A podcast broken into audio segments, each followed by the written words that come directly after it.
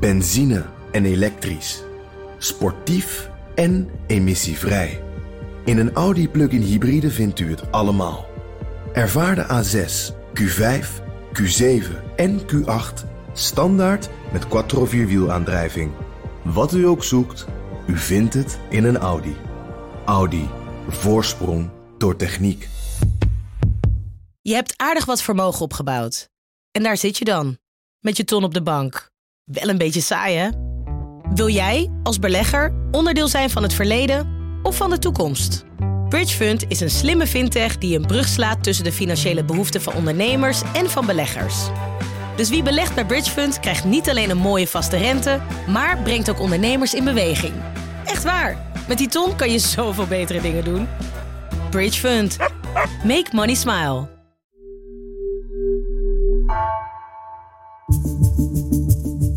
Vanaf de redactie van NRC het verhaal van vandaag. Mijn naam is Gabriella Ader.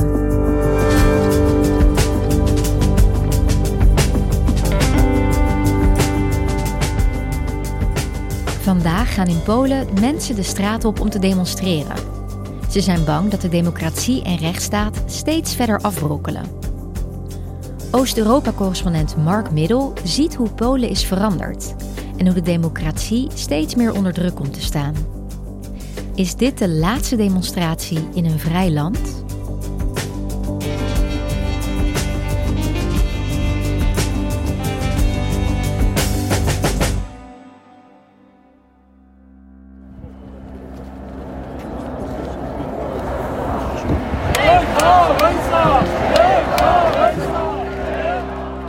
Afgelopen 4 juni was ik mee met een protestmars in Polen. In de hoofdstad Warschau was het helemaal afgeladen. Ik uh, ging met de metro naar het begin van de protestmars en die metro's die waren echt al bom en bom vol. En toen ik de straat op kwam en naar het beginpunt wilde lopen, kon ik dat ook niet eens bereiken. Want alle zijstraten, de hoofdstraten, de trottoirs, de trappen, uh, de parken, de grasvelden, alles stond helemaal vol met mensen.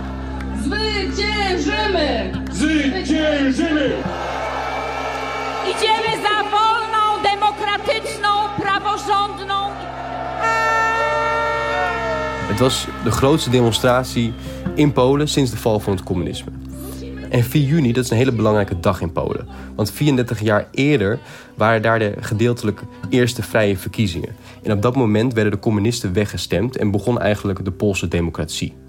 En daarom is het een hele belangrijke dag en daarom werd op die dag een demonstratie gehouden. Maar er speelde meer dan alleen het vieren van de eerste gedeeltelijke vrije verkiezingen. Op de verjaardag van de Poolse democratie heerst vandaag zeker niet overal in het land een feeststemming. In Warschau gaan Polen de straat op om te demonstreren. Zij vinden dat hun regering de democratie inmiddels steeds verder ondermijnt. Wij willen tonen dat wij uh, mensen in Polen uh, tegen onze regering zijn.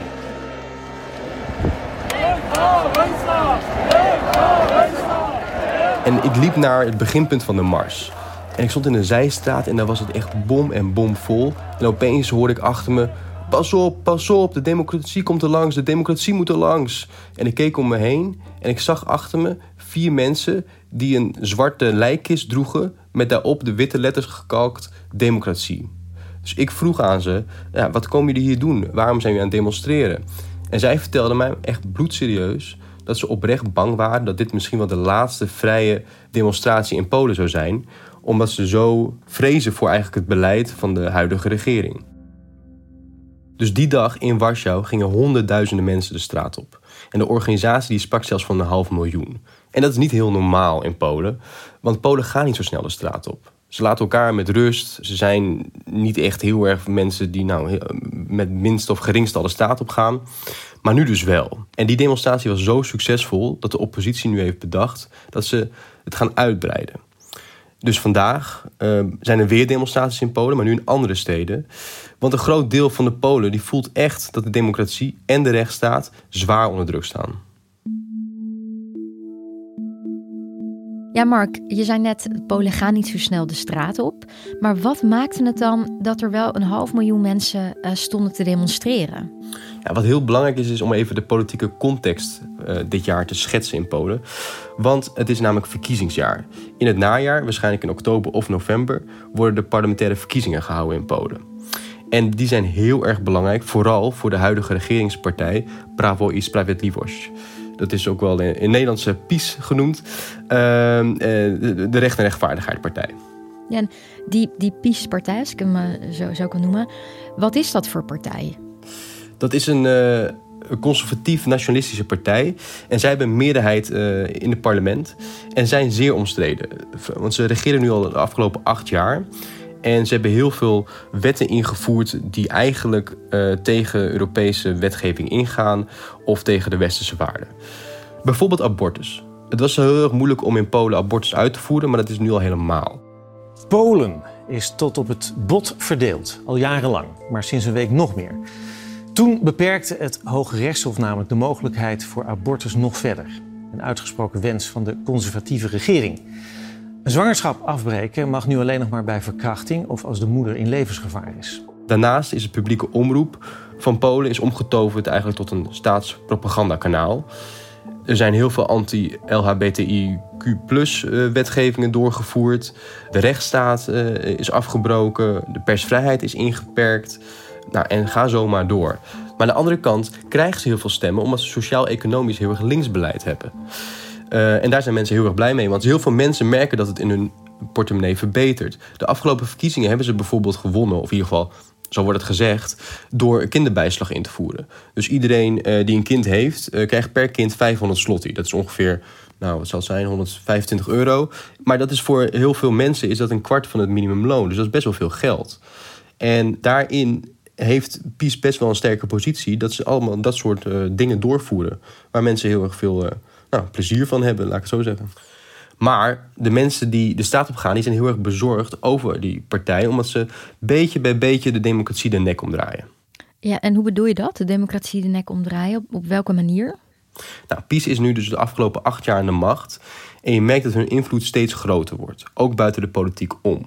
Dus wat eigenlijk deze regering doet, is dat ze nou ja, de, de macht steeds meer naar zich toe trekken. Dus wat ik al net al zei, de nationale televisieomroep is een staatspropagandakanaal geworden. Uh, de top van culturele instellingen en musea, dus directeuren, die worden nu opeens aangesteld door de regering. Daarmee worden ook allemaal narratieven meteen veranderd. Uh, de academische vrijheid wordt ingeperkt. En vooral, ze hebben heel erg veel invloed op de rechtspraak.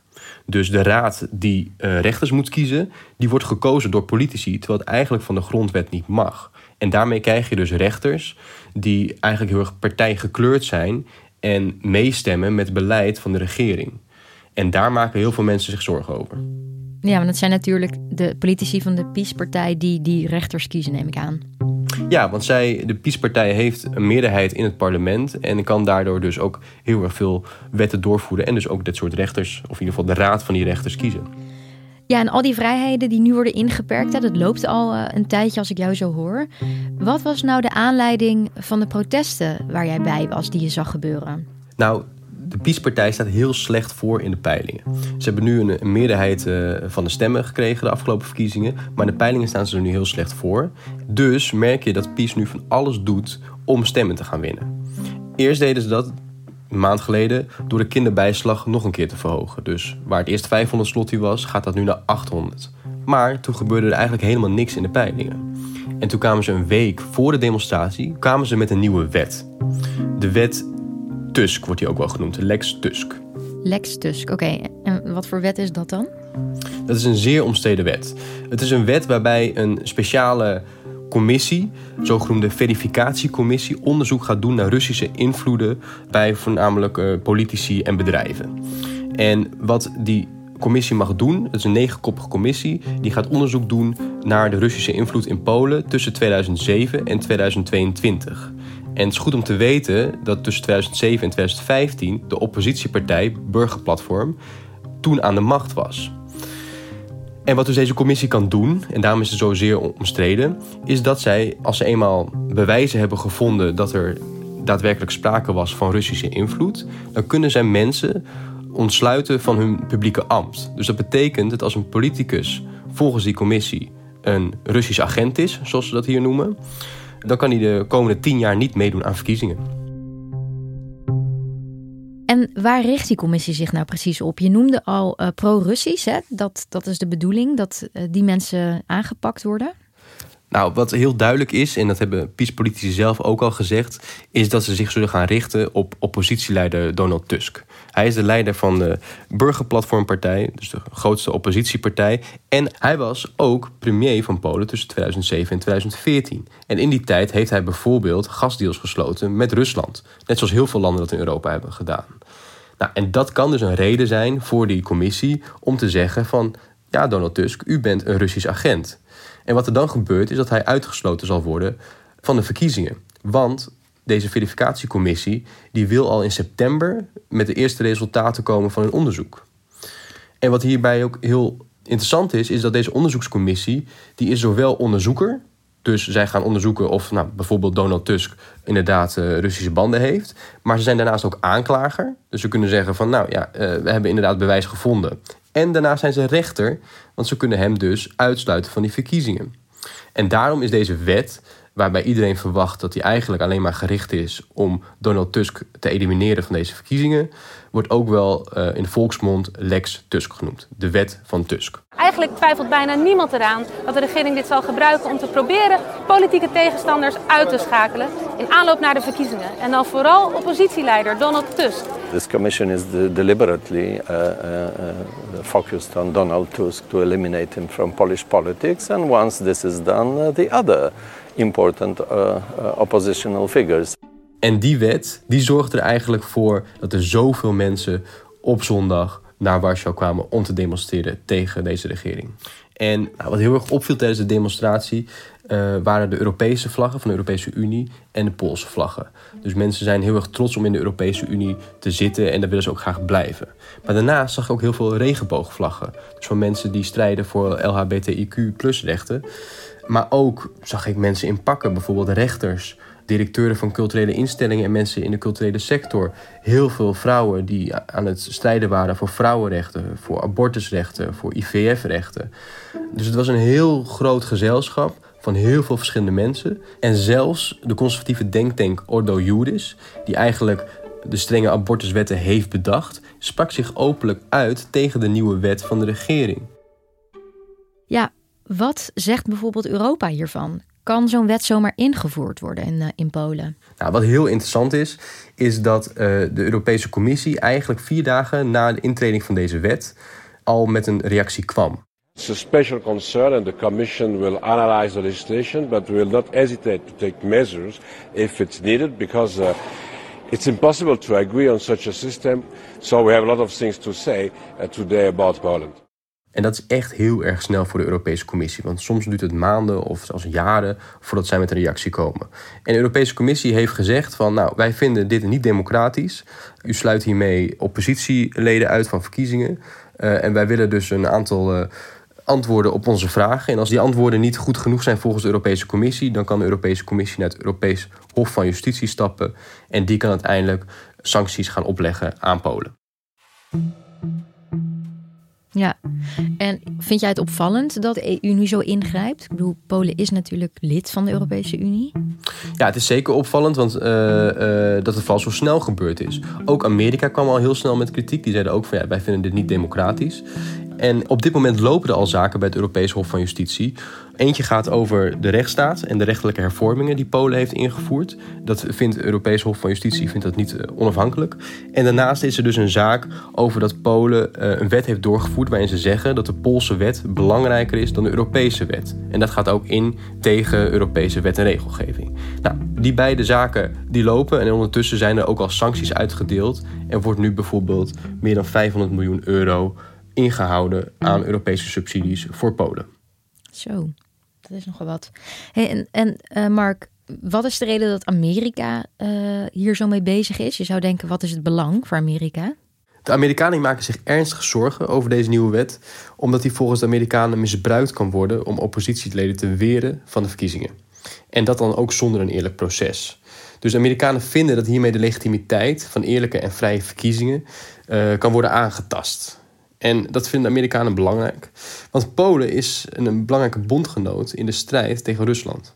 Want zo'n beetje alle wapens die naar Oekraïne gaan, die gaan via Polen.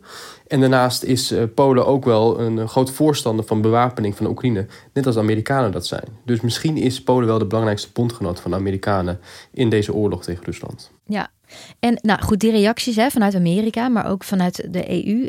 Gaan die nog iets veranderen of hebben die überhaupt iets veranderd? Trekt Polen zich er ook maar iets van aan? Nou, de wet is nu door het parlement. De wet is ook ondertekend door de president. Uh, dus eh, de commissie die zou in principe nu kunnen gaan beginnen. Maar na de kritiek van Amerika en de Europese Commissie zie je wel dat er iets verandert in Polen. Dus president Duda die heeft nu een amendement opgesteld waarin hij de scherpe randjes van de wet probeert af te halen. Dus nu mogen leden van die commissie, dat mogen geen politici meer zijn, maar dat moeten mensen zijn van buiten de politiek. Dat is één. En ten tweede konden mensen eerst alleen maar in beroep gaan bij de bestuursrechter. Dus dat betekent dat er alleen maar gekeken wordt naar procedurele fouten. Maar nu zul je ook eh, in beroep kunnen gaan bij de normale rechter en uh, wordt dus ook gekeken naar de inhoud van die uitspraak. En is die aanpassing dan voldoende voor Europa? Nou, Polen heeft nog twee maanden om te reageren op de vragen van de Europese Commissie. Maar het is nu al duidelijk dat zowel Amerika als de Europese Commissie niet heel erg blij zijn met de aanpassingen van Duda en dat ze dat te weinig vinden. En als nou, dat daadwerkelijk blijkt dat de antwoorden van Polen niet afdoende zijn van de Europese Commissie, dan kunnen dus in de toekomst ook grote sancties volgen. Ja. Hey, en wat kunnen we nu de komende tijd verwachten? Hè? Wat je ziet is dat deze wet echt wel mensen heeft getriggerd om de straat op te gaan. En ook voor het eerst voor heeft gezorgd dat de oppositie in Polen momentum heeft. Want het afgelopen jaar veranderde eigenlijk helemaal niks in de peilingen. En sinds de demonstratie in Warschau zie je dat opeens de PiS-partij toch wel iets omlaag gaat in de peilingen. En dat de oppositie lichtelijk aan het stijgen is. Dus er is iets doorbroken in de stilte die de afgelopen jaar over Polen hing. En wat je ziet is dat vandaag in Poznań, een andere grote stad in het westen van Polen, de demonstraties door zullen gaan. De oppositie heeft aangekondigd dat ze nu overal in Polen, in verschillende steden, demonstraties zullen gaan houden. Oké, dus de verkiezingsstrijd, inclusief allerlei demonstraties, die is nu echt aangekomen. Ja, je ziet uh, dat de PiS-partij echt bang is om deze verkiezingen te gaan verliezen. Ze hebben dus nu een meerderheid in het parlement. En in geen enkele peiling zie je dat ze eh, een meerderheid halen. Laat staan dat ze zelfs met een andere partij een meerderheid zouden kunnen halen. Dus zij zetten echte stressen. En je ziet ook dat de oppositiepartijen nu wat meer verenigd raken en toch een beetje momentum beginnen te krijgen voor het eerst. Alleen is de boodschap van de oppositie eigenlijk alleen maar: wij zijn tegen PiS en we willen alles wat er de afgelopen acht jaar is gebeurd in Polen, willen we terugdraaien. Dus het is niet echt een ideologische strijd gaande in Polen. Het is vooral een strijd nu tussen gaan we door met nog de komende jaren PiS of willen wij toch van PiS af. En daarnaast zie je dat het ook een tijd wordt dat partijen cadeautjes gaan uitdelen. Dus PiS probeerde deze verkiezingscampagne de afgelopen tijd al af te trappen met de verhoging van de kinderbijslag. Toen kwamen ze met die wet tegen Donald Tusk. Allebei werkten niet heel erg goed in de peilingen. En de afgelopen week kwamen ze met de aankondiging dat ze mogelijk de pensioensleeftijd voor vrouwen gaan verlagen van 60 naar 53 jaar. Dus eigenlijk zie je in Polen nu elke week wel een cadeautje verschijnen. En ondertussen voelt ook de oppositie de druk om deze verkiezingen te gaan winnen. Want wat ik onder veel demonstrerende Polen hoorde op die zondag in Warschau, is dat ze bang zijn dat dit misschien wel de laatste verkiezingen zijn waarbij ze de kans krijgen om het beleid van de PiS-regering terug te kunnen draaien. We hebben nog een paar maanden te gaan, dus ik ben benieuwd eh, wat er nog allemaal zal gaan gebeuren hier. Nou, ik ben ook heel benieuwd. Dankjewel, Mark. Dank u wel.